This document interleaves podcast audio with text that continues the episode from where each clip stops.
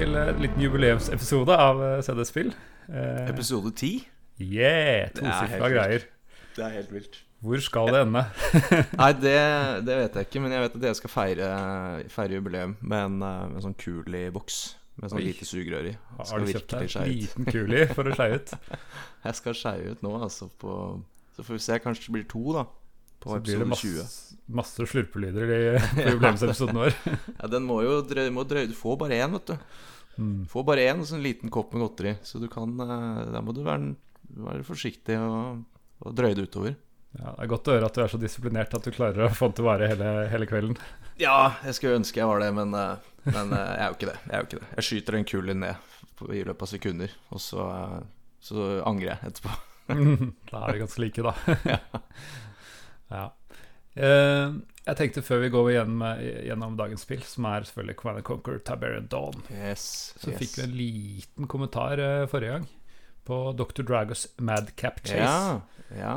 For uh, Tristian skriver på Spillhistorie sin Facebook-side at uh, han har fått uh, spillet til å funke i en sånn Parallels, en sånn Mac-virtualiseringsprogram. Så det er en mulighet. Eh, og at Joakim, som skriver i eh, artikkelen for oss på Spillhistorie, også fikk, fikk det opp å kjøre. For han tok et screenshot hvor det sto Joakim, så det syns jeg var ganske Nice. kult, Nice. kult gjort for en liten artikkel.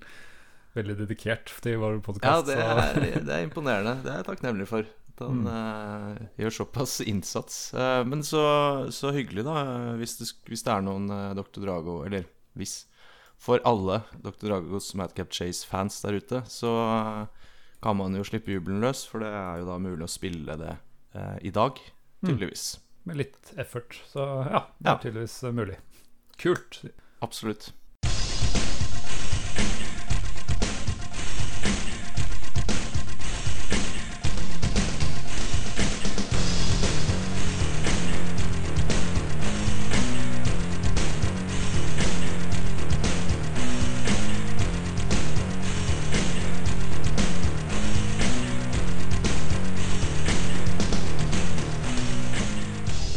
Vi, tror jeg vi bare hopper i det, det, det store temaet i dag. Som eh, nevnt er det det aller, aller første Command Conquer-spillet. Eh, som har fått undertittelen Tiberium Dawn sånn eh, i ettertid. Eh, som var starten på et enorm, en enorm franchise. Jeg vet ikke om du skal kalle det én stor franchise, eller, eh, eller flere, tre, med tre sub-franchises under. Ja. Så har jo da den Red Alert-spin-offen, som var den første spin-offen, og General spin-offen, som foreløpig bare består av ett spill, og da den originale som blir ofte kalt Tiberian-æraen, eller Tiberian-franchisen i Command Conquer. Ja, så toucha de vel innom eh, FPS-sjangeren, eh, uten at det var noe braksuksess. Ja. Nei, det var ikke noe suksess, men det var innafor samme univers. i hvert fall innenfor, Det var det, det var det. Ja. Nei, jeg vil kalle det en, eh, vil kalle det en, en franchise, ja. Det vil jeg, det vil jeg si. Eh, med litt forskjellig eh, litt, for, litt sånn forskjellige skins, egentlig, Ja. opp gjennom årene. ja. Og serier og liksom noen parallelle universer. Ja, absolutt.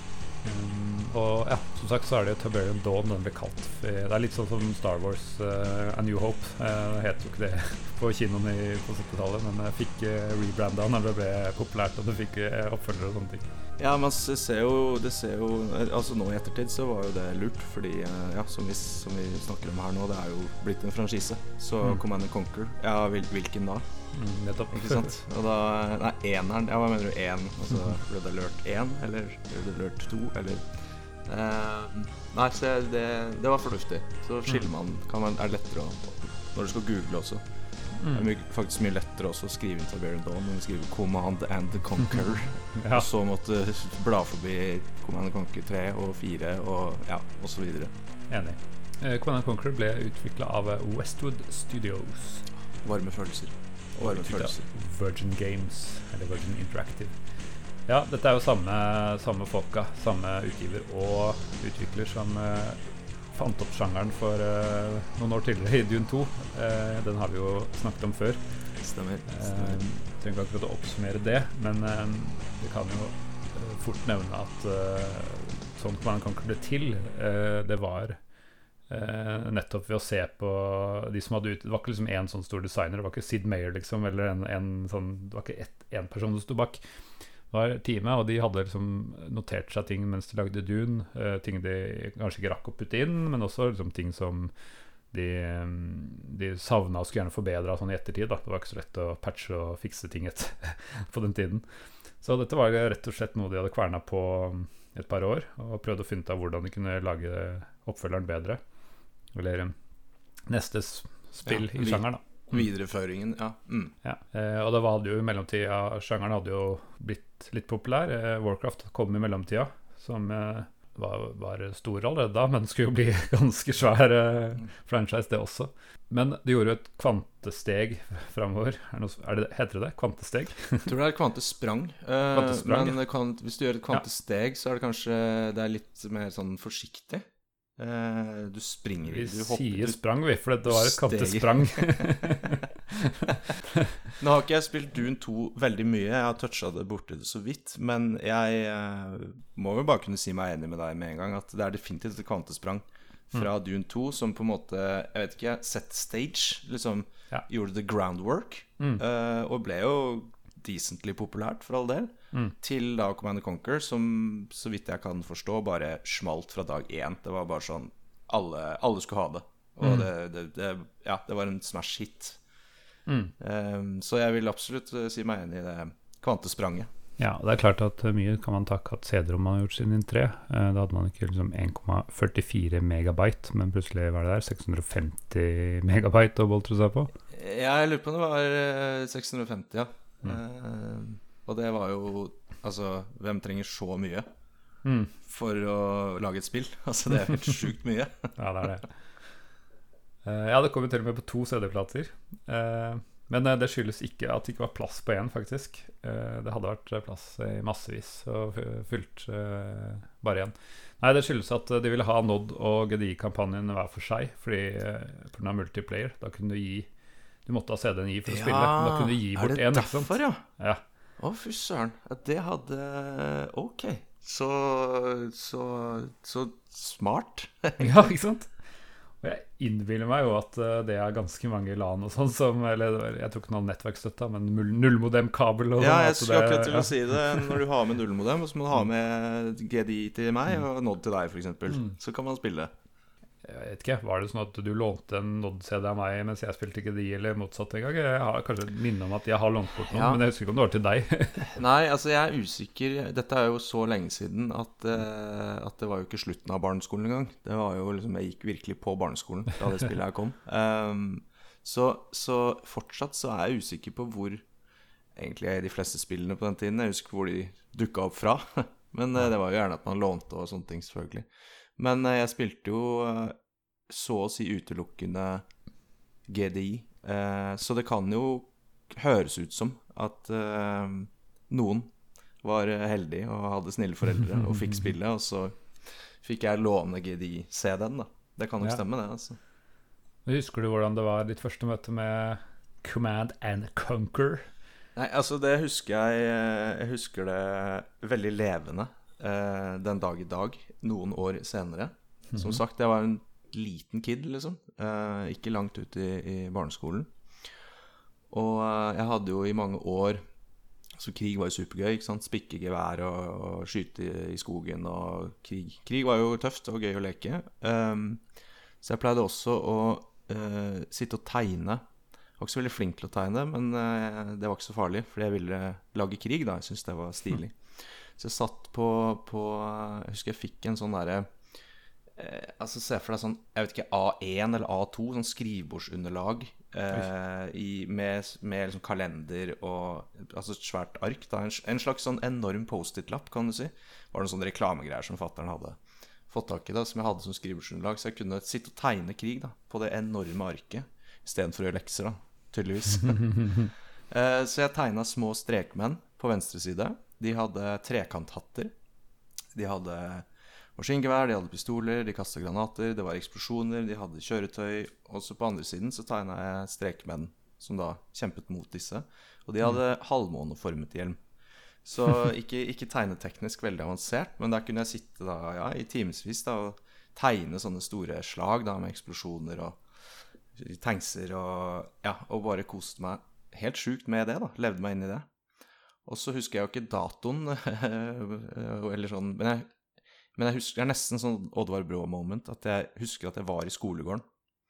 Og så var det noen av boysa i skolegården som begynte å snakke om dette spillet som hadde kommet. Command and Conquer.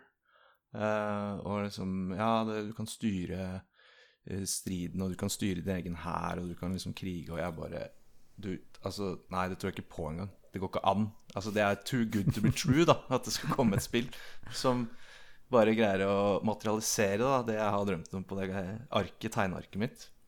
Men sannelig, da, det var ikke too good to be true. Så da på en eller annen mirakuløst vis så dukka GDI-CD-en opp hjemme hos meg. Og um, etter å ha krangla med DOS, med god hjelp av fattern, som er litt eh, PC-kyndig, for å locate mem og Ja.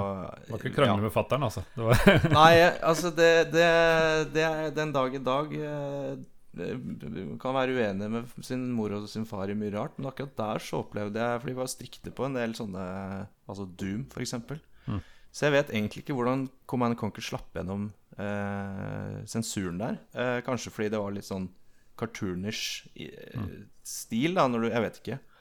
Eh, Men etter å ha krangla ferdig med, med DOS da, og locate mem til rett sektor og bla, bla, bla, da, for du fikk jo ikke starta det umiddelbart, Nei. så fikk jeg da starta Command and Conquer og eh, ble møtt av grafikk og eh, sånn eh, movie Hva heter det? FMV?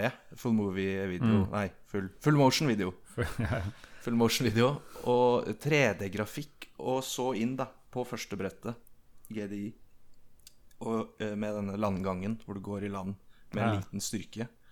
Og jeg bare Altså, fra den dagen da, så har livet mitt vært endra. Det er det mest det er, altså, den, den franchisen er noe av det mest formative som har skjedd i livet mitt. Ja, det, Åh, det var en lang fantastisk. runde, eh, men det er i hvert fall Ja. Jeg husker godt da Command Conquer kom. Ja, Min historie rakner jo litt i forhold, da. Men eh, første gang jeg hørte om det, i hvert fall, da skal vi tilbake til fetter Espen, som, eh, som de som eh, husker Dune-episoden, og han som introduserte meg for Dune 2 også. Eh, men jeg fikk ikke prøve det og sånn. Man bare sa at nå har det kommet Eller kommer snart et nytt spill da, som heter Command Conquer. Eh, jeg så jo ikke det skriftlig, og jeg vet ikke om jeg visste hva Conquer betydde engang. Så jeg, så jeg liksom mis, misheard det, den tittelen. Så jeg trodde en stund het Altså det var en kommandør som het Kong et eller annet. Som. Commander Kong, ja, ja. Commander Conquer Ja, fra Frankrike. ja, ja. Og så første gang jeg, jeg så den spillesken, så er det jo bilde av en sånn soldat med briller på. Så Ja, tenkte jeg der har vi jo commanderen eh, Kong Concur, jo. Det er jo Conquer der. ja. Så det var jeg. Ja, jeg, jeg gleder meg til å finne ut hva han kunne utrette. Eh, og så var det via deg, som du, du som fortalte meg Eller som eh, litt, litt tid etterpå sa at dette, dette spillet tror jeg du Ja. hadde en demo først, da så, som gjorde at Ja. jeg måtte bare kjøpe det. Så det var inngangsporten min, og det, jeg også ble ganske frelst av um, Av den forbedringene i forhold til Dune 2. Og egentlig bare Det var et skikkelig kult spill. Mm. Og selvfølgelig, man blir lamslått av at det plutselig eh, CD-rom med mennesker som snakker til deg. Mm. Jeg har hørt mange si sånn etter at det er så liksom, campy, og det er så Mm. De tar det så seriøst, og det er så skuespillet. Men det, vet du hva, jeg har sett det spilt om igjen nå, sett det. Jeg syns bare det er kult. Jeg, jeg syns fortsatt det er kult. Jeg klarer ikke å skjønne den kritikken i det hele tatt. Jeg digger det, at du prater rett til meg. helt enig. Helt enig. Det var eh, jeg, jeg satt ikke og så på en pikselfigur hvor munnen gikk opp og ned, så kom det tekst under. Det var en, et menneske filma med fancy bakgrunn Ja. som takka meg for oppdraget, og her er ditt neste oppdrag. Altså Mm. ja, Kall det gjerne campy, men ikke for en eh, barneskoleelev på 90-tallet. Det var noe av det råeste jeg hadde sett. ja. Nei, det var ufattelig kult. Mm. Og jeg syns liksom det, det var så troverdig i forhold til det jeg trengte. De, de hadde jo Jeg vet jo nå at det er eh, green screen bak og, og animasjoner og masse ting som er putta på, men det virka liksom så inn i spillet at det ga helt mening at det skulle være sånn der. Jeg tenkte aldri over green screen-fenomenet. det er klart det er jo kanskje lettere å skjule green screen eh, på en eh, vet ikke 640 ganger 400 VGA-skjerm. men men eh, nei, jeg, er imponert. Jeg, jeg, jeg støtter deg i den. At eh, den dag i dag så syns jeg det, det, står, det står sin prøve. Det gjør faktisk det. altså Mm. Og det begynner med en introsekvens um, som tar for seg Ja, det første som skjer, er et, uh, en bygning sprenger som heter uh, World Grain Center. jeg husker, jeg har sett denne så mange ganger at jeg husker uh, da det var 9-11, så bare så tenkte jeg Si meg en gang. Var ikke det det som var i starten av uh, Command Conquer? Er det noen spådommer? Er det Ja. noen Ja, dette er Ja, ikke sant? Jeg var jo sikker på at det var World Trade Center, men ja, det var World Ja. Grain Center. Ja. Men, men uh, det var jo nærme nok. Uh. Så det virker jo veldig sånn profe profetisk. Mm. Uh, og de har jo også sagt uh, i utviklinga at de ville bevisst ikke ha liksom to statsmakter som kjempa mot hverandre, men at de ville ha at fienden skulle være en sånn ikke-government-fiende. terroristorganisasjon, løst organisert osv. Og, uh, og der følte jeg at de virkelig traff spikeren på hodet igjen. Altså. Ja, ja, det, Og nå skjønner det, Som du sier, nesten litt sånn uncanny profetisk eh, i, uh, i Lauren sin, da. Det er i, i første steg i franchisen. Og de valgte jo bevisst å sette i en sånn litt alternativ verden, selv om det var sånn cirka nåtid. Eh, og det eh, tipper jeg var for å ikke gå på noen kontroverser, da. For å ikke liksom eh, Mm. Så ja, da slipper du liksom Geografien er jo verden vår, men, eh, men alt politikk og sånn er jo fjernt fra det. Ja, altså jeg syns jo de har greid å løse For det kunne jo, kunne jo blitt litt sånn kleint eh, og, og liksom åpenbart politisk korrekt at de liksom ikke skulle støte. Men jeg syns, jeg syns de, har, de har greid å lage en, en liksom troverdig og fet greie. Men som ikke liksom eh, gjentar liksom sånne klassiske ja, liksom, Nei, Kina er alltid teit i alle filmer og alle spill, og USA alltid. Eh, Sovjet. så jeg, jeg syns de greide å gjøre en, en kul eh, Kina dukker jo opp litt senere i franchisen, men nå snakker vi om Commander Conquer eh, Tiberian Dawn. Eh, jeg syns de har greid å lage en eh, fet law, um, og uten å liksom gå opp igjen uh, gamle troper da om Ja. uh, onde land eller whatever. At de faktisk har greid å holde seg litt vekk fra det. Det syns jeg er litt kult. Mm. Men jeg bare lurer på, kan det ha med det enkle faktum at uh, på midten av 90-tallet så var det litt sånn Sovjet hadde falt.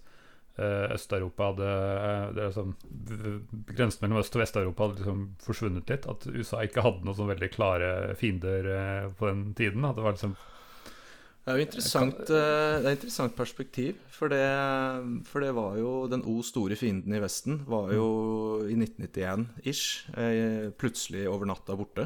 Mm. Så det var Det ville kanskje blitt litt sånn eh, rart, kanskje. At Ja. eh, Hvis det f.eks. Ja, skulle vært liksom USA mot Sovjet. Mm. Jeg vet ikke. Eh, Og nå skal jeg være forsiktig, men det er vel sånn cirka rundt da Gulf 1 foregikk også.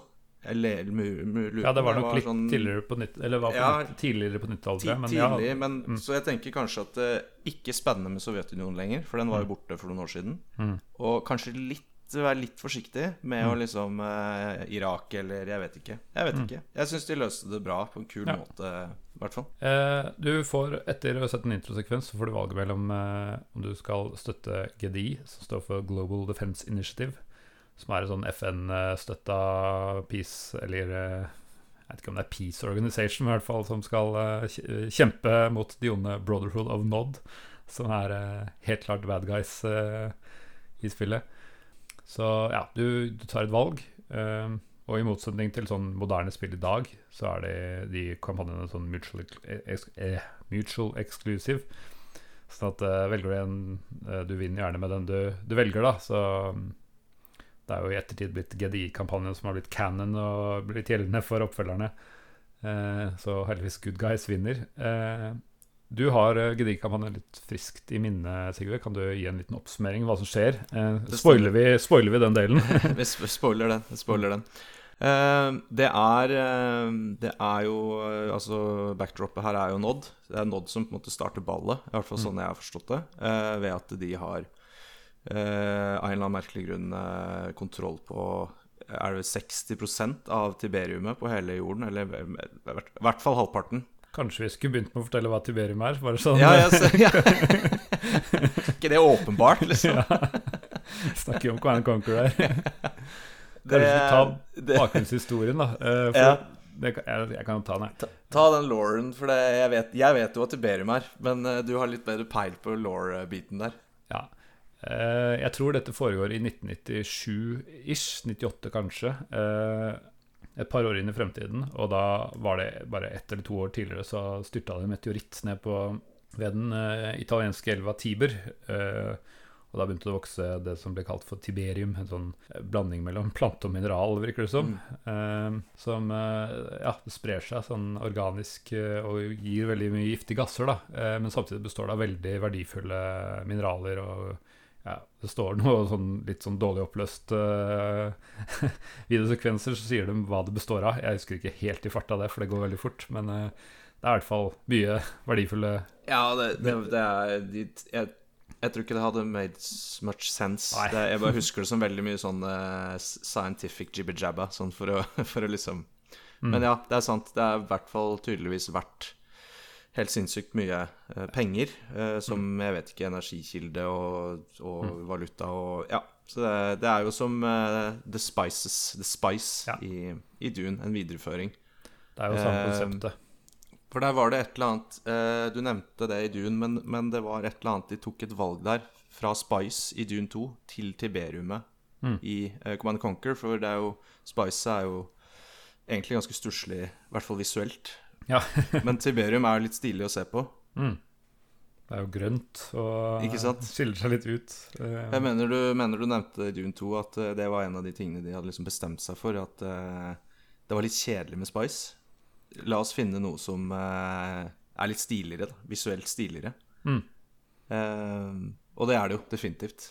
Ja. Det gløder jo grønt. ja, det gjør det.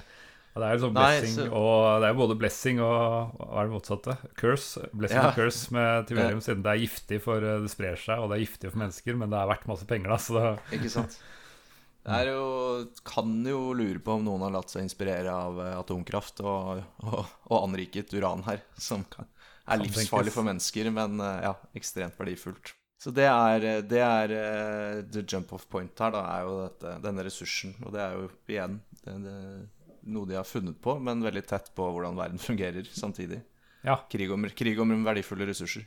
Mm. Um, da kan vi hoppe inn til GDI-kommandoen igjen og fortelle hva, ja. en liten oppsummering av hva som skjer der, med spoiler. Det, det, det kan vi gjøre. Spoiler alert. Um, Nod har av en eller annen grunn i hvert fall halvparten av all, all tiberiumet på hele jordkloden. Uh, resten, uh, resten, er fordelt litt på GDI og litt sånn ymse og ikke oppdaget. Så, ja, så Nod har tydeligvis kontroll på det tiberiumet, da. Mm. Eh, og som Sahara Børn, når du har kontroll på godt over halvparten av jordas viktigste ressurs, så begynner du å, da starter du å lage bråk, da. Å lage kvalm. Mm. Eh, blant annet å sprenge World Grain Center. Mm. Eh, og GDI, eller Nato, eh, om du vil. Jeg ser jo at her er det en terroristorganisasjon som plutselig bare kryper out of the woodwork da, over hele verden. Og, og sprenger og ødelegger og lager kvalm som en skikkelig fin, ekte terroristorganisasjon mm. som gjør seg i spill. Um, så det er jo uh, Kampen starter egentlig med å begynne å bekjempe Nod rundt omkring i, uh, i Europa initielt. Da. At du, mm. Nod har greid å ta så mye i Europa. Så du du har jo da Commander Shepherd, som er din uh, overordnede, som uh, gir deg oppdrag i disse uh, videosekvensene mellom hvert oppdrag. Og, ja, godgutten, som du ser allerede i første oppdrag. Han er så godgutt, han. det er helt riktig. Han er sunn, sunn ungdom. Hmm. Global Defense Initiative selected. Are you picking this up? Good. I know you need more deep background, but we're up against it.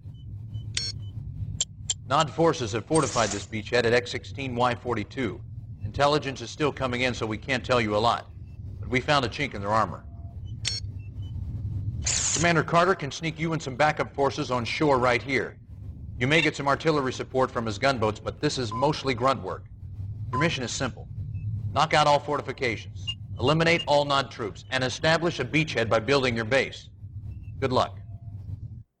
Nei, og, og kort så, så, så, starter det liksom litt sånn vanlig at du kriger på og tar ut Nod-baser og tar land fra Nod, og så så skal plutselig Shepherd på et møte i noe sånn eh, GDI sentralt bla, bla, bla, command, så han liksom Han blir borte.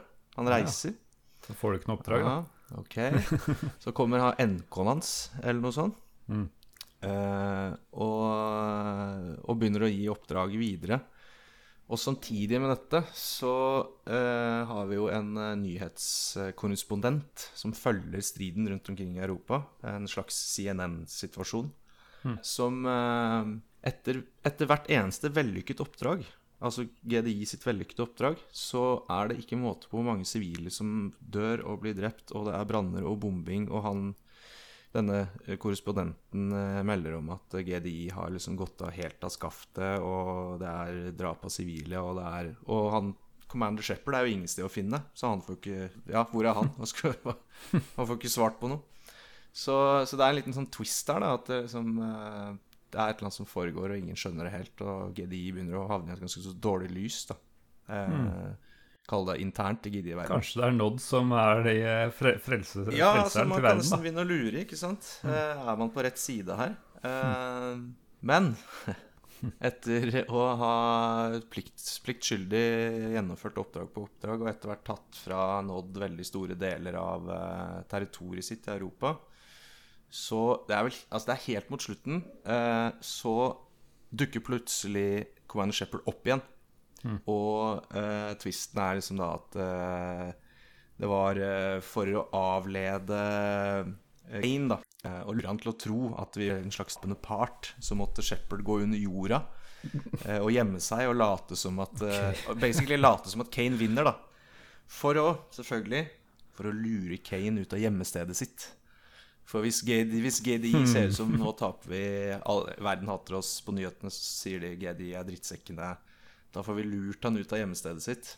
Og det er vel Det er jo siste mission, da, hvor, hvor han da exposer dette, og som da gjør at du finner hjemstedet til, eh, til Kane, og har eh, en av de eh, absolutt lengste håper å si, brettene gjennom hele kampanjen, hvor du skal kjempe mot Ja, det er vel Jeg lurer på om det er, det er tre Tre full-size Nod-baser på det brettet, siste brettet, da, som du må kjempe deg, kjempe deg gjennom. Og til slutt finner du Kane låst seg inne i eh, Temple of lås- Nod. Temple of Nod. eh, og knuser det, og så detter det ned noen stein, så antar han er død, da. Ja, for hele De bomber vel den, eh, det tempelet, og så raser alt sammen, og så er det presumed dead-type ting. Stemmer. stemmer Bomber det sønder og sammen. Eh, han eh, hisser seg opp en siste gang. På kamera. Det er tydeligvis kameraer overalt som sender live. ja. Eh, og så ja, raser det noe stein ned fra taket. Og um, ja, man kan anta at han er død, da, men jeg vet ikke Jeg vet ikke hva franchisen sier videre. Nei, ikke sant? Nei, det er rart, det. Det, er, eh, det, er, det er i korte trekk. Det er jo egentlig en veldig enkel eh, Det er en veldig sånn basic oppskrift. Eh, Slåss mot Nod til du har tatt hele Ja. Nod. Ja. Og så syns jeg det er kult at de har gjort noen twister underveis, da. Ja. Jeg syns den kampanjen er ganske bra, for den er variert. Og som du sier, det er litt forskjellig hvem som gir deg, gir deg neste oppdrag, og det skjer litt underveis. da Jeg spilte gjennom Nod-kampanjen nå. Kan oppsummere spo spoile den også. Og den er mye Jeg merker den er mye mindre engasjerende. Eh, den er mye mer rett fram. Eh, I starten så blir du, får instruksjoner av eh, Seth, som er nestkommanderende til Kane, som han sier eh, allerede på første oppdrag. From God to Kane to Seth. er Er sånn det, det har, er det han som har alpelue? Ja, det er riktig. Også sånn smultring, eh, mener jeg husker. Ja, ja, Kane er i hvert fall det. Jeg husker ikke om han også har det. Seth, eh, de seks-sju første oppdragene så er det han som eh, forteller hva du skal gjøre. Eh, Virker som en lojal type. Og allerede i første oppdrag så er det ikke noe tvil om at du er bad guys, for der er det sånn Hva er det heter? Nikoma eller noe sånt. Eh, er en eller annen landsbyboer et eller annet sted i Afrika som Han har ikke det samme politiske synspunktet som oss. La oss, la oss ta han. Så første oppdrag er bare å ta livet av en sivil. Ja. Det er jo The stage is set. So, you're the new addition to the Brotherhood. Well, I'm Seth. Just Seth. From God to Cain to Seth. I am his right hand, and I have a task for you. This is Nakumba, and he is causing the Brotherhood much grief. His views do not coincide with ours, and that makes him dangerous. Silence him. Eh, og sånn fortsetter det. Det er, eh, det er Altså, Nod autoskyter på sivile, og det eh, byg, både bygninger og de som går forbi. Så hvordan de har oppslutning i det hele tatt, er litt pussig. Men eh, ja, de har visstnok det, ifølge Lauren. Um, det som skjer da, etter seks-sju oppdrag, er at um, Seth er litt irritert på at Kanye er litt ikke bare går til angrep på USA med en gang, så han planlegger i skjul. Nå skal vi ta Pentagon, la oss, uh, la oss ta det, da får vi tatt GDI en gang for alle. Så hører han noen sånne der lyder underveis, og hva, hva er det som skjer? Så akkurat når han skal liksom, uh, gi de siste instruksjonene, så ser du bare en pistol som kommer inn i uh, kameravinkelen, og så smeller av. Vips, så er Cess uh, historie, og Kane sier 'gratulerer med promotion'. Kom igjen, sett i gang. Og det resterende oppdraget er jo da bare med eh, Kane, det samme. Han eh, eh, Jeg syns eh, egentlig Teth er litt karismatisk, men Kane er, eh, er en klasse for seg. Altså, han, eh, han gjør seg, som Ja, jeg er jo ingen Nod-fan. Eh, jeg er jo en basic bitch som heier på, heier på Nato, holdt jeg på å si. Eh, men eh, han gjør en helt sykt bra rolle.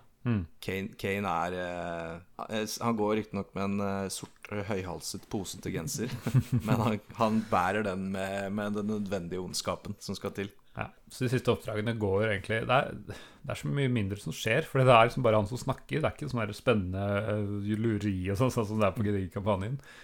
Men hva er, hva er liksom endstaten uh, til Nod? Ja, Endstaten, siste oppdraget er jo også sånn ganske vanskelig med tre baser.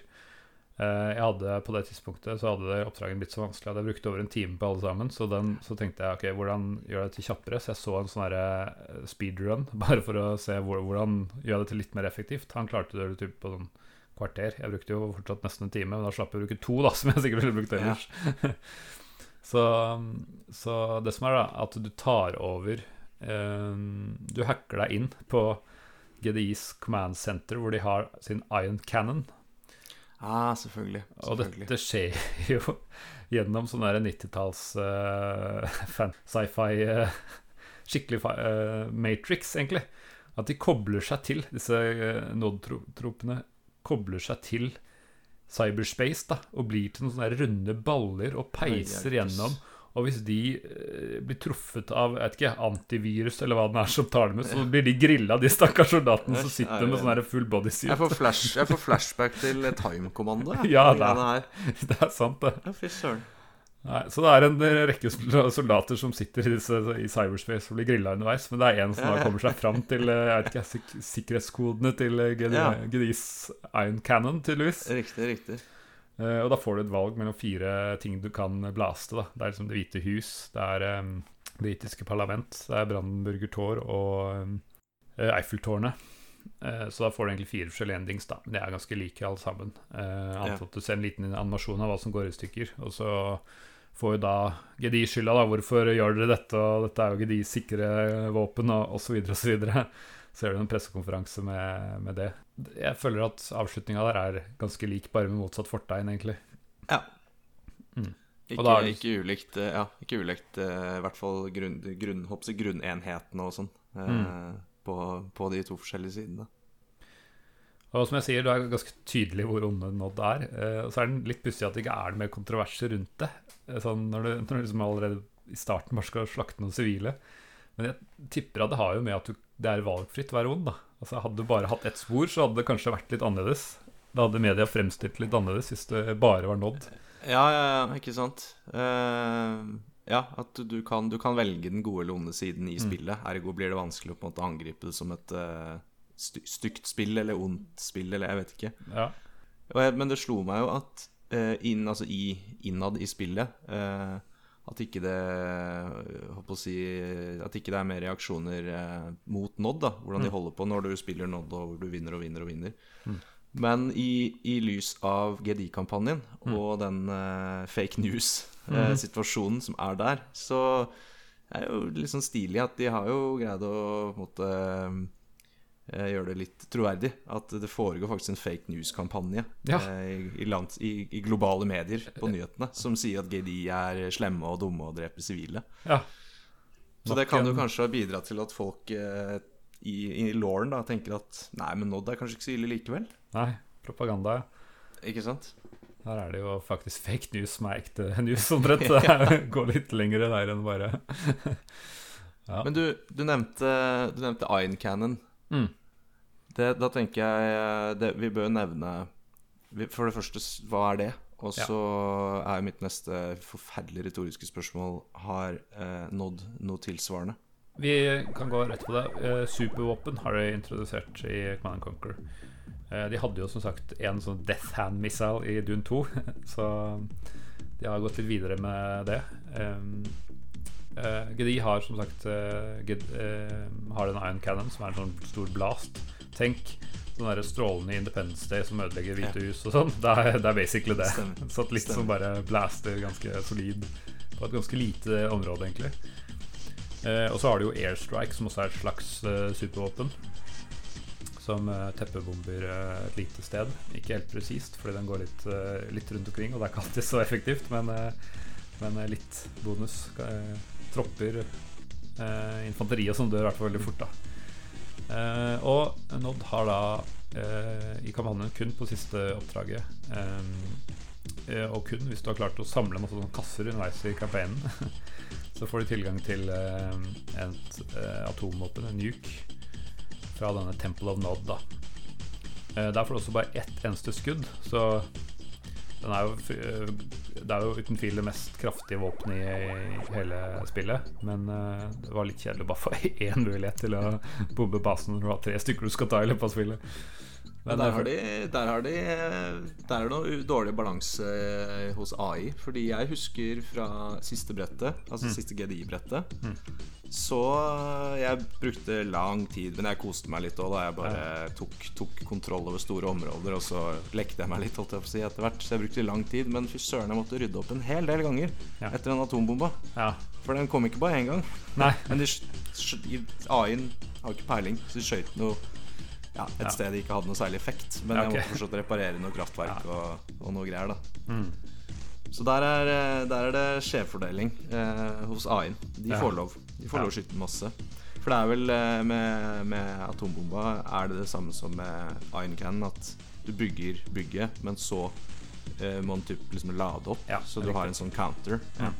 Det tar ganske lang tid å få den i utgangspunktet. Så, men Ironcan får du den, eh, den har du i flere oppdrag, eller på siste? Eh, du har tilgang til Ironcan eh, adskillig Altså det er ikke kun siste oppdrag. Nei. Den har du tilgang til. Ja, den er jo ikke så kraftig, så det gir litt mening. Men jeg innbiller meg kanskje at GDI-kampanjen er bitte litt lettere enn Nod. Men eh, jeg har ikke spilt ferdig GDI, da. Men eh, jeg syns det ble ganske vanskelig etter hvert på Nod-kampanjen. Eh, muligens fordi at jeg er sånn som liker å liksom sette min egen base og forsvare og ha, ha godt forsvar før jeg begynner å gå ut. Og, og da tar det jo litt tid, da.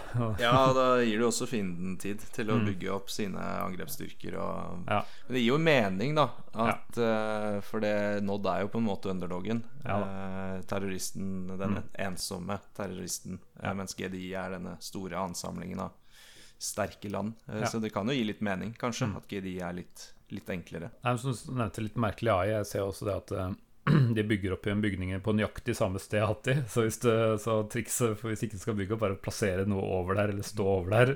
Ellers så dukker det opp, og det trenger ikke å følge de samme reglene som vi må om at de må være i nærheten av eh, eksisterende bygninger og sånne ting. Så. Å nei, nei. Å nei, å ja. Oh, ja, nå kommer jeg Ja, fy søren. De der fordømrede turretsene Ja, ja. Som står rundt omkring.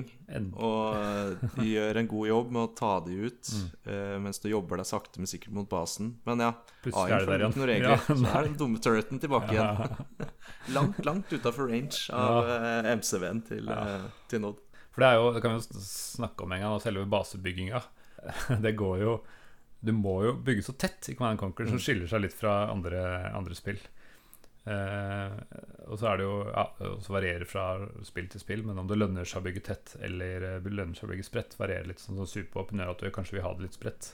Mens eh, det fungerer også litt som en mur, så det er jo kanskje et argument for å ha det litt tett igjen. Da. Men jeg husker det er litt irriterende at du må være inntil en eksisterende bygning, for det er noen ganger litt vanskelig å få plass, og folka kommer ikke forbi så lett og sånne ting. Da. Så det er jo et godt, eh, godt poeng du har der. For det, for det for folk som For ungdommen som har eh, kommet inn i denne sjangeren eh, litt etter Command Conquer og kanskje Red Alert 1, eh, det, så tenker jo ikke de over det. Ja. Man bygger jo bare basen og gjør det på riktig måte. Ja. Men det er ikke så lett i Command Conquer. Som, fordi som du sier, du kan ikke plassere ting hvor du vil. Du må touche en annen bygning. Så du har på en måte veldig liten frihet. Det blir kronglete da hvis du skal prøve å bygge deg en retning, eller Ja, det er vel Du har vel litt spillerom på Guard Towers, eh, mener jeg å huske. Eh, men ellers så eh, det ikke, Og det er ikke mye der heller. Det er jo én rute eller to, kanskje. Men eh, på alle andre bygninger så må de bygges inntil hverandre. Eh, og det kan jo skape noen utfordringer i å lage en, eh, en base som går an å bruke, og som går an å forsvare. Ja. Nei, ga- må også være inntil. men Du kan ha det sånn diagonalt, da, og du kan bygge noen mur for, for å forlenge det og sånn. Stemmer. Men eh, ja, det er irriterende. Noen ganger kan du risikere at troppene dine for, altså, kommer i en sånn låst posisjon da, fordi de går ut på en idiotisk side. Så Og apropos mur til eh, ungdommen. Du kan ikke trekke mur. Du må bygge én, ett og ett mursegment. Og det kan ikke kues, så du må bygge én mur, Ja, ja. ett segment, plassere den ut. Ikke hvor som helst, inntil eksisterende bygning. Så må du trykke på mur en gang til. også. så- sjansen Nei, er så- stor for at du ikke gidder å bygge så mye mur, med andre ord. ja, det Jeg husker jeg gjorde det da.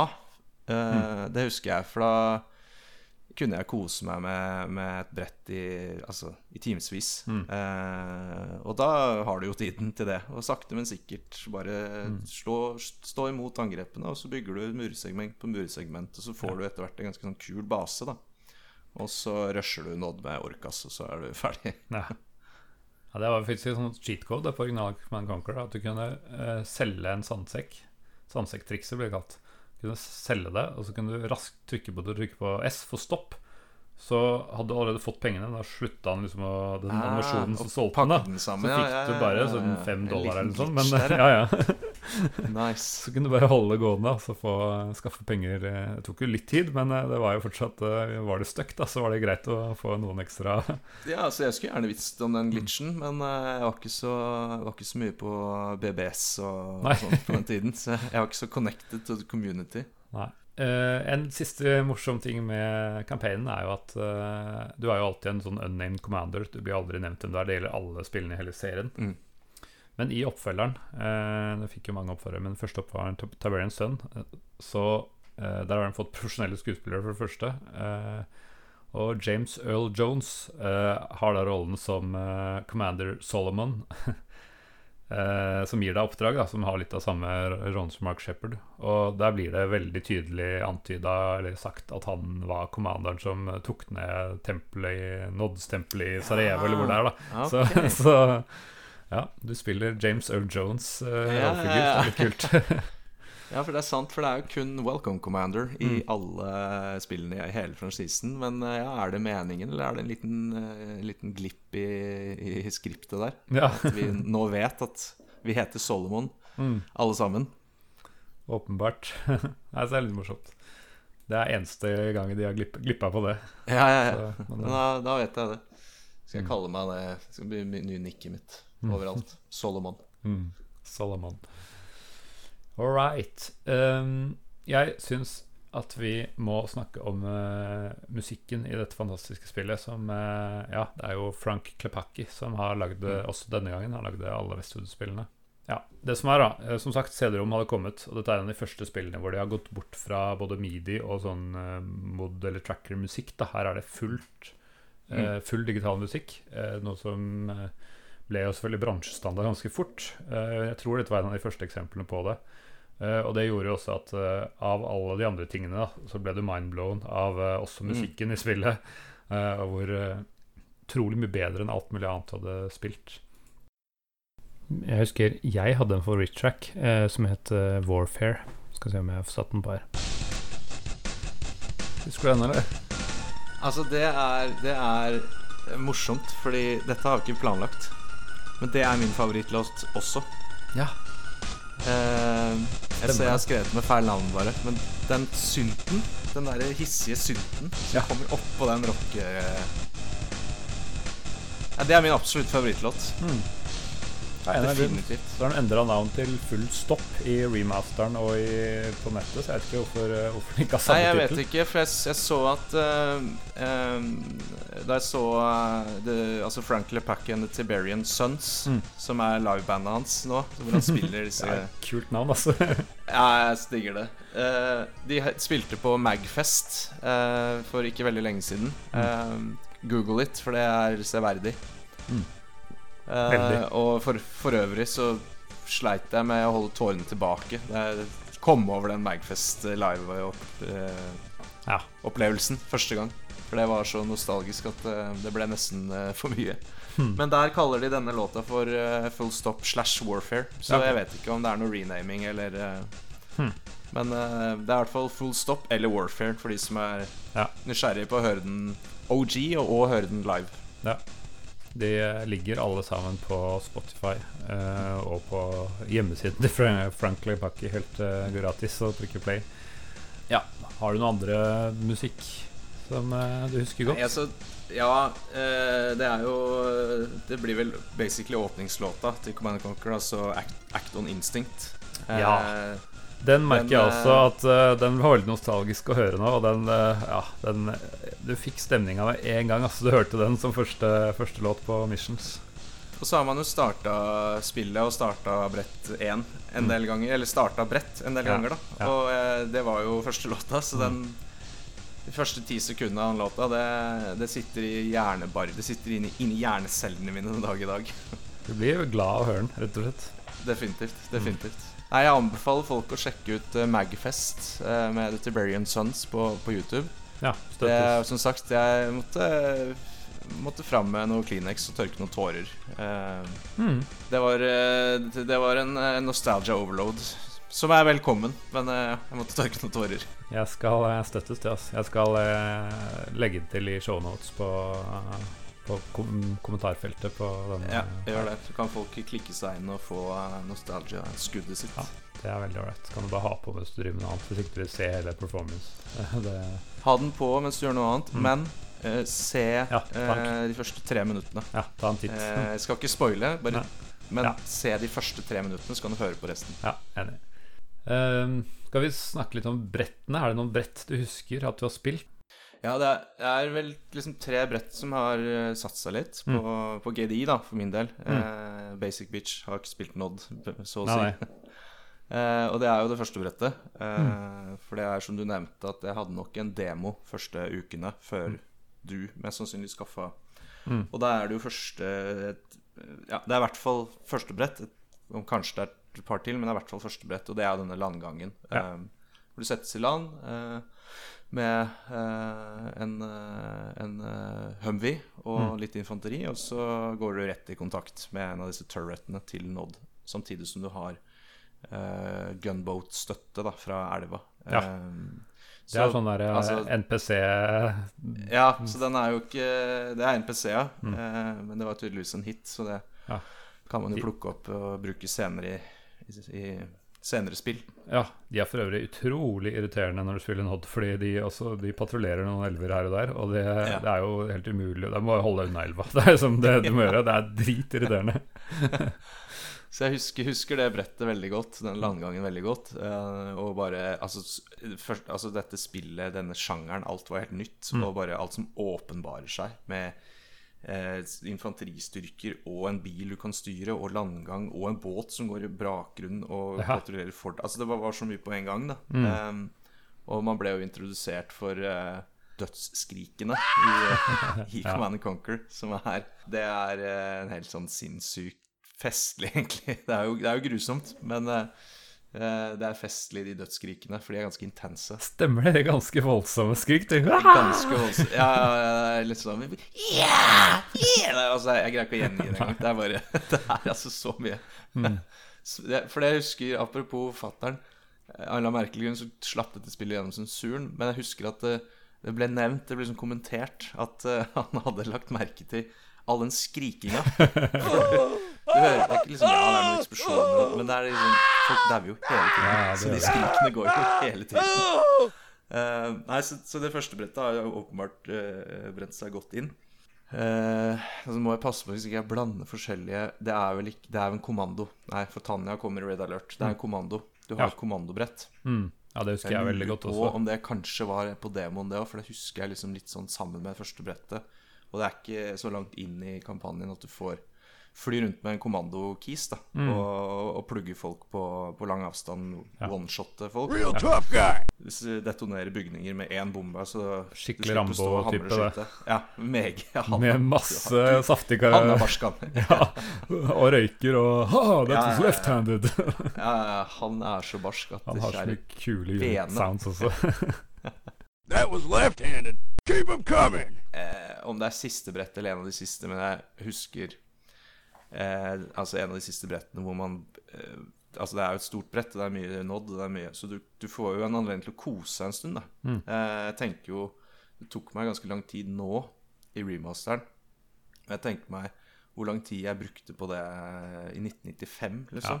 Med ikke Q-mulighet og ingen quality of life, lavere oppløsning. Eh, ja, jeg vet ikke hvor mange timer, men mange, mange, mange timer med bare basebygging og kos og kriging og ja. Ja. Så det er liksom de, er de brettene jeg husker Husker fra, fra rett side av historien. Ja. Hva, hvordan var du på terroristsiden?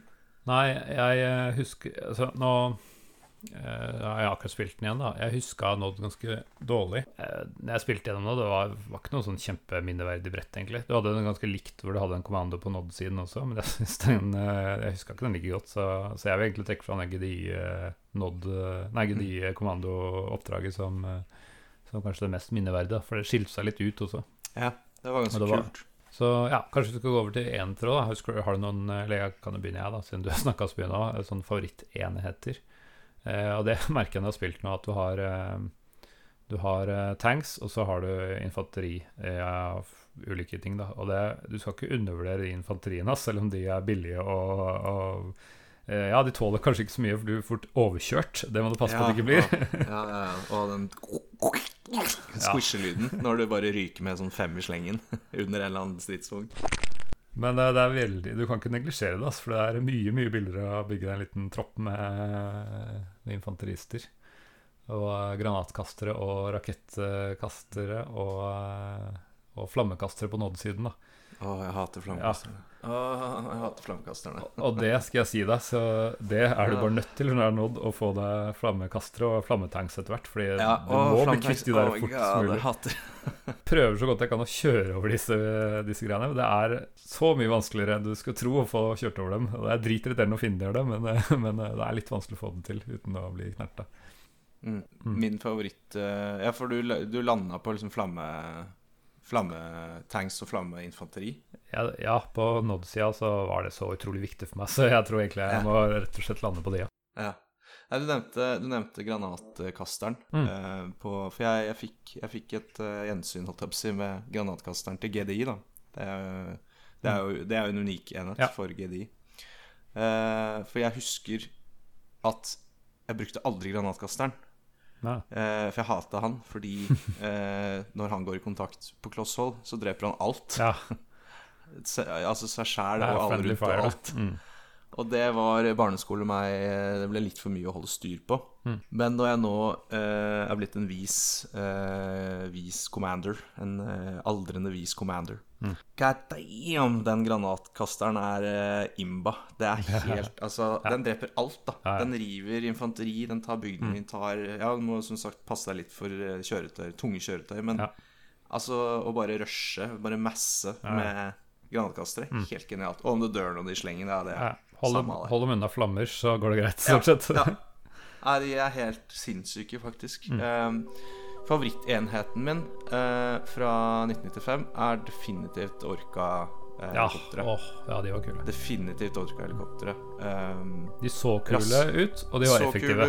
De var effektive, de var raske, de kunne ikke bli kjørt over. Mm. Og så vidt jeg kan huske, så Ja, ikke sant, for de kan kun bli påvirka av SAM-sites og rocket Mm. launchers og ikke altså flammetanks og alt det drittgreiene der. No problem. Ja, jeg liker Orkan. Jeg liker Orkan. Den er rask og effektiv Ja. og slipper å forholde seg til de der Åh, de der flammetanksen, ass. Åh, har jeg lagd meg en skikkelig rushestyrke Ja, da, med, med granatkastere. sånn fyller hele skjermen, så er det én flammetanks, da. Så er bare alt bare borte. Ja. Nei, Orka, orka er sterk. Nei, jeg husker er det. Jeg tror jeg, når du sier det, at når jeg først kom til det brettet hvor den ble unlocked, så at jeg bare bygde Ja, ja, ja. liksom 15-20 av de. Bare venta til jeg hadde penger til det, og så bare rusha jeg med det. Og så vant jeg med det. Jeg tror det var sånn jeg gjorde det. altså Jeg tror det det var et fenomen i, i, mange år i franchisen. Altså air rush. Air rush, liksom. Ja, det er ikke så fort, kanskje så lett å rushe det, for det tar tid å, å komme til det. Men når Ja, ja, det er jo holde sånn, stand game stund, så har du rush, vil jeg, vil jeg Ja. påstå. Så slipper du jo Du slipper jo med Orkan, så slipper du jo Ja, igjen, jeg merka kanskje ikke så mye til i 95, men du og du jeg merka nå under remasteren. Eh, vi skal jo snakke litt mer om remasteren. Eh, veldig mye fint med den, men ruting av enheter, altså path, pathing av enheter, er helt eh, du må, Hver enkelt må følges opp, da. Ellers så De angriper ikke, og de går feil vei, og de, altså, de surrer og roter. Og ja, det er liksom Du kan ikke forvente at hvis du sender en styrke fra et sted til et annet, så kommer de dit. Pathfindinga er helt på trynet. Fordi at eh, Og så Du ser det på de harvesterne også. De, de, går, eh, Ja. de går i himmelretning. Og så Ja. oi, da er det liksom mur rundt hele. Altså, Ja, ja, du går liksom rundt hele basen din for å finne ut hvem sida. Det er eh, helt Ja, den pathinga er Men det slipper man med Orka. Så, men jeg husker at jeg var ikke så veldig god i dette på 90-tallet. Jeg tror jeg bare venta til jeg tekka at jeg hadde de dyreste entene, orka og kanskje litt med Tankster og sånn, og så bare masa det der til jeg hadde liksom skjermen full, og så bare sendte jeg det av gårde, og så vant jeg. Jeg, jeg var liksom ikke så veldig taktisk med å sende de bakerst og de først, og jeg tror kanskje jeg prøvde å ta ut Sam Saita for å beskytte orkaene mine, men det var det, Nei, det, var det liksom. jeg, jeg, jeg vet ikke om folk har fått med seg, men jeg runder jo ikke spill. Eh, og er en, eh, en eh, stolt pro-gamer uten track record. Eh, så eh, Men det som var fint med det spillet her, var at du kunne jo være pro-gamer og liksom build order og speedrun og liksom ja. sånn og sånn, og håper å si gjøre brettene fort unna. Men hvis du ikke syntes det var gøy, eller syntes det var slitsomt, så kunne du kose deg like mye med, som du sier, tekke helt ut, bygge en stor base, eh, bygge masse fete enheter, og, og så selvfølgelig til slutt bare bumrushe med 100 orker eller whatever, da, for å Men du fikk Ja, det, og det er jo tenker jeg er jo, viser jo at det er et bra spill. At du kan gjøre begge deler. Og begge deler kan være veldig rewarding og veldig gøy. Så nei, så jeg har kost meg i timevis med å ikke runde spillet, rett og slett. Bare bygge base og, og krige og, Ja. og tekke. Tekke helt, helt ut. Men eh, jeg lærte meg liksom litt, litt senere i karrieren at det lønte seg å ha litt kontroll på enhetene og skille det i grupper og sånn. Det var noe jeg ikke kunne. Den kunnskapen hadde jeg ikke eh, back in the day. Eh, og det var litt vanskelig selv i dag, nå som jeg har spilt det om igjen, å gjøre det ordentlig. Jeg prøvde liksom å Nå skal jeg spille liksom proff, da. Men eh, det endte med at det bare ble mølje, og så en og annen gang så klarte jeg å holde flammekasterne beskytta når det ikke var, når det ikke var eh, noen å ta ut og sånn. Ja, sjæl. Jeg merka det nå jeg spilte det på nytt nå. Det, eh, ja, jeg er også liksom Ok, nå skal jeg være litt pro, da. Og liksom ha Mm. flere typer enheter og liksom passe litt på de og liksom Men så er jo den der pathinga. Du kan liksom Ja, ok, da Mm. Ja. sender jeg bare infanteriet mitt litt unna, og så går stridsvognen i front, og så bare Ja, så bare alt rakner, for da er de plutselig gått et annet sted. Det blir bare kaos. Så blir det bare drag across screen, og så attack. Ja. Håper på at det går bra. Jeg, vi har holdt på en god, god stund, og vi snakka allerede litt om eh, remasteren som kom nylig. Vi er jo faktisk litt aktuelle nå, siden vi snakker om et spill som folk eh, kanskje spiller for nå for tida.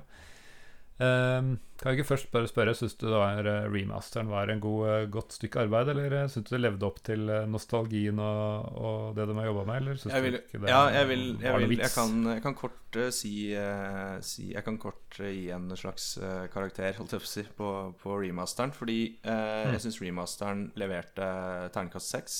Altså virkelig. eh, en, en genuin gjenskapning av eh, nostalgien med litt Altså nok quality of life improvements til at det er fullt mulig å spille det nå og liksom kose seg, kose seg med det. Eh, og så eh, er det et spill fra 1995, så nostalgien er eh, alt de har, og det er også alt de har. Men jeg mener nostalgien er verdt ja. det, er, det er verdt spillopplevelsen. Det er verdt å kjøpe Ja. spill og er verdt å kose seg med det. Men for the, the youngins, the kids Ja, nei, det er nostalgien, og det har de levert til terningkast sju. Ja. Nei, det er jeg enig i. Det, det er nostalgien. For de har ikke fiksa Pathfinding, f.eks. De har, ikke, de har liksom fiksa noen ting, men uh, litt bedre oppløsning og sånne litt queuing og litt sånne viktige ting. Men uh, de har på ingen måte tatt uh, en full fiks. Og de har heller ikke um, Ja, de har liksom valgt å holde det så nært. Da. De har liksom ikke gjort om til 3D. Det er fortsatt sprites. Det er, det er på en måte så likt som mulig. Det ligger kanskje i ordet remaster, ikke remake. Men mm. Eh, men det hadde jo vært 100 millioner andre måter å gjøre det på, da, som eh, selvfølgelig kunne vært vellykka. Det kunne vært eh, fiaskoer. Eh, vanskelig å si. Um, jeg har jo prøvd Jeg husker da Generals kom, så var det noen som lagde sånn mods hvor du kunne spille disse oppdragene i, med den motoren. Da. Eh, så da fikk du liksom en 3D-variant av det, med selvfølgelig varierende hvor, hvor likt og sånn det var. Men det var også ganske kul til å være et fanprosjekt. En ganske kul fremgangsmåte. Eh, men om jeg hadde ønska meg full 3D, jeg, jeg, jeg, tror ikke det. Jeg tror ikke det hadde passa til det spillet her. Jeg eh, hadde sikkert kjøpt det likevel, men jeg tror ikke det jeg tror, jeg tror, jeg har gjort det riktig, da. Og det er jo Vestfold-veteraner som har gjort det her, så de kjenner kildematerialet såpass godt, da, så det syns jeg var veldig godt arbeid. Jeg er enig i balansen mellom uh, å relansere spillet, basically, mm. og lage et nytt spill bygd på så ja. syns jeg grunnen til at uh, det mangler litt på spillbarhet eller uh, mm. altså noe mer nostalgi, er nettopp fordi de har gjort det så sinnssykt bra ja. i remasteren. At det er, det er, en remaster, det er nostalgi, og de har bare skjønt at det er det vi går for. Og mm. det, det, er jeg superhappy med. Mm. Og det er verdt, det er verdt uh, prisen. Det er verdt å ja. Du spiller ikke det i du, du, du, klokker ikke 350 timer i remasteren, men uh, det er verdt pengene, og det er absolutt ja. bare å kjøpe det og spille det for nostalgien. Men hva syns du om den nye grafikken? Spilte du med ny eller gammel grafikk? Uh, kan du bare trykke space godt, for å bytte? Godt, ja, det er jo et godt eksempel på, på, at jeg har vært veldig tro til nostalgien. At du kan bare trykke på space ja. underveis, og så skifter den mellom gammel grafikk og ny. Mm. Ja, sprite, men høyere oppløsning. Ja. Uh, Litt sånn begge deler. Det ble mest, eh, det ble mest 4K. Det ble mest ny mm. oppløsning. Rett og slett fordi det er eh, litt lettere å holde oversikt ja. over ting. Men jeg syns For du har fortsatt mulighet til å zoome ut ja, det med kall det gammel grafikk. da mm. Så forskjellen er minimal. Jeg syns litt mer behagelig for øyet med den nye. Litt, mm. lettere å skille ting fra hverandre, for det er ikke så pikselert. Ja. Men det er, det er i grenseland. Altså, at begge deler er spil absolutt spillbart. Ja. Nei, jeg uh, Ofte Det er jo det er jo ikke den eneste remasteren som har gjort det sånn at du kan lett switche. Uh, ofte så Andre sånne spill jeg har spilt, så har jeg ofte alltid vært på nye og så sett litt. Aha, det sånn det så ut, og så tilbake til nye. Men her var det faktisk motsatt. Og der holdt jeg meg på gode gamle nostalgi-pixel-ting. Og så titta jeg litt på åssen det ser ut, og så gikk jeg ganske fort tilbake igjen. Jeg syns alle sånne glitcher blir så tydelige med den nye grafikken. Sånn der overdreven moonwalking den ene enheten går ja. over. Og det så liksom så corny ut, da. Så jeg ville heller ha nostalgien enn ja, en litt høyere oppløsning. Men uh, ja, Nei, jeg syns jeg har gjort en god jobb. Altså. Og sånn Stillbildemessig så syns jeg kanskje det ser enda bedre ut enn hos de animasjonene. Så det ble litt ødeleggende for meg. Men uh, ja, det, det, kan være enig uh, mm. Og det sier jo bare litt om hvor, hvor, altså hvor godt arbeidet er gjort her. At ja. å spille det med gammel grafikk er liksom helt Det er spillbart, liksom. Det er mm. liten forskjell. Det er personal preference. Det er faktisk spillbart med gammel grafikk. Ja. Eh, så tenkte jeg også å nevne at det har jo faktisk vært mulig å spille dette i litt Quality of Life Improvements i omtrent ti år, med et prosjekt som heter Open RA. Som eh, Ja, det begynte jo som du sikkert hører med Red Alert, men eh, har tatt fra Taberian Dawn og Dune 2000 også, så de tre spillene kan spilles der. jeg har ikke noe sånn veldig god Jeg har ikke spilt det veldig mye, da, men jeg har for det første hørt litt hva folk har skrevet, da, og da har folk skrevet at Uh, skal du spille campaign, spill remaster. Skal du spille online, spill Open Era. Fordi mm. de har uh, Altså Open Era kan godt bli sett på som en uh, Det er egentlig et nytt spill med Command Conquer-farger og template på. da Fordi der har du ja, Pathfinding er fiksa, balansering er fiksa. Det, de har sånn shrug of war og fog of war. Altså ikke bare svart, men at det blir. Mm. Det, er, det, er, masse sånne ting som jeg, jeg, så, jeg prøvde et, et enkelt oppdrag da, for, å, for, å, for å prøve. Og jeg så jo at det var eh, mange ting som var veldig, veldig bra med det, som jeg savna i remasteren. Og så kanskje er det ikke fullt så eh, autentisk. Så, som, Så, men eh, det, var, det er i hvert fall veldig veldig godt alternativ da, hvis du skal prøve noe annet eller eh, bare er interessert. Så det er også Ja, det er også et gratis alternativ. Ja. Eh, Så nostalgi, spill remasteren. Eh, online, mer eh, dag, dagsmoderne spilling. Spille open eh, RA-versjonen. Ja, helt enig. Eller helt uh, essensen i det. Mm. Men det er veldig interessant å prøve det, for det er ganske ulike fremgangsmåter på hva som, hvordan Begge mener jo sikkert at de har forbedra originalen, og det har de jo på sett og vis, men det er litt forskjellige mål, da. Mm. Så ja, det er kult. Det er litt uvant hvis du kom, har spilt masse remasteren og prøver Open Era og motsatt, fordi det er så innarbeidet akkurat hvor ting er og hvordan Men ja, det jeg, jeg kan anbefale begge deler, egentlig. Nå har vi holdt på i godt over en time. Det blir en ny pers på en ny rekord på podkasten. Jubileumsepisode, vet du. Ja da, det må være litt fleske til da. Og så er det jo Mother Flippen uh, Command Conquer. Ja. Det lå jo litt i kort, da. Ja.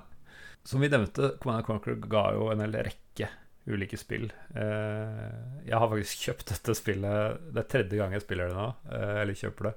For det ga en sånn um, The First Decade, en samlepakke med alle de ti, eh, nei, de ti første åra. Eh, med alle spillene. Endte på bare spilte den her, selvfølgelig. Jeg kan droppe alle de andre. men eh, men da husker jeg at jeg ble st- stuck på sånn GDI-mission, hvor jeg måtte holde en eller annen sånn forsker, Mobius, ja, ja, ja. i live.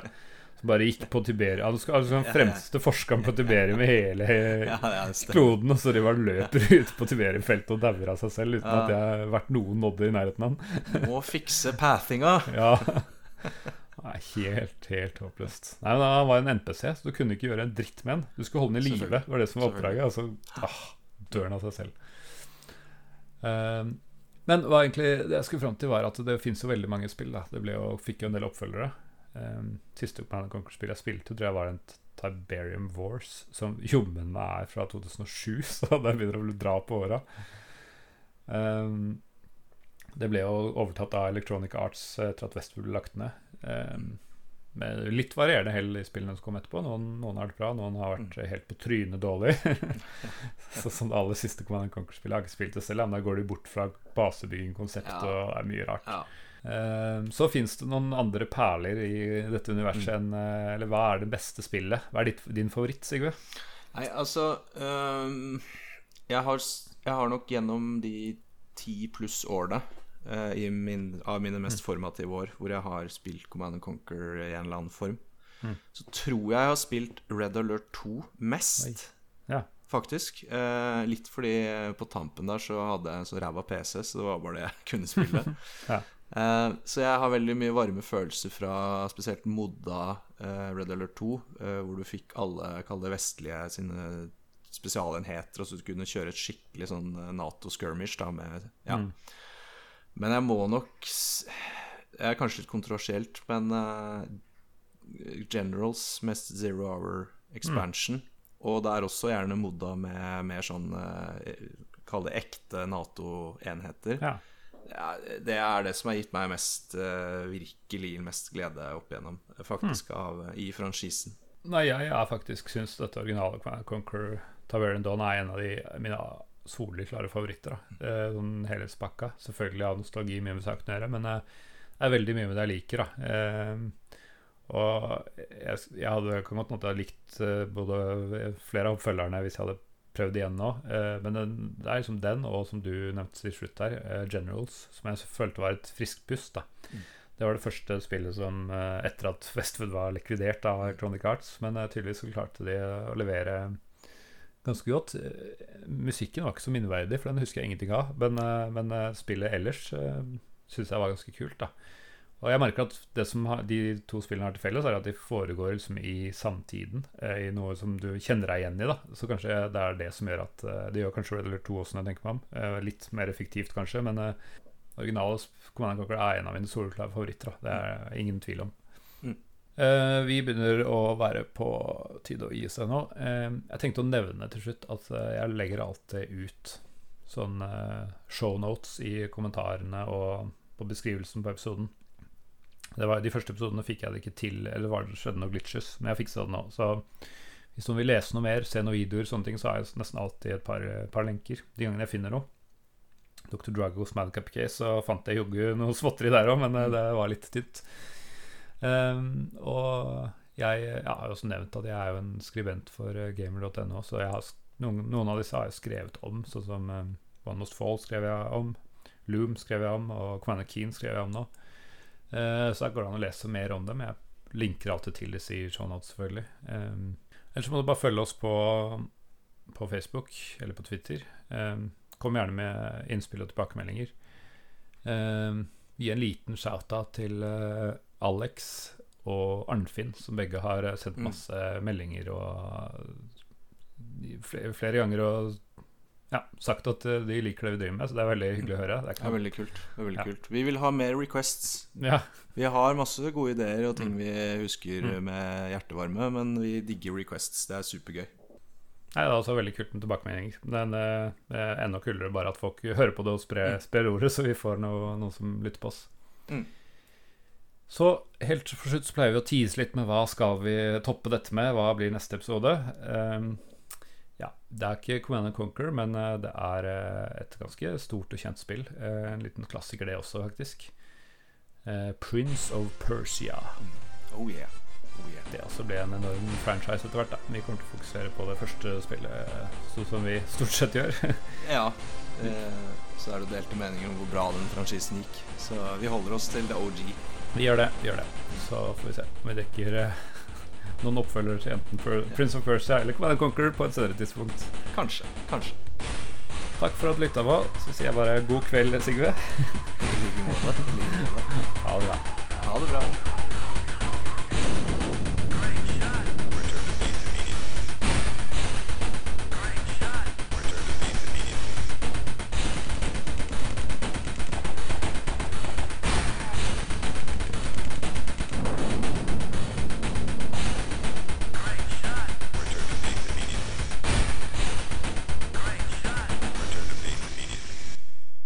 Mission accomplished. Battle control terminated.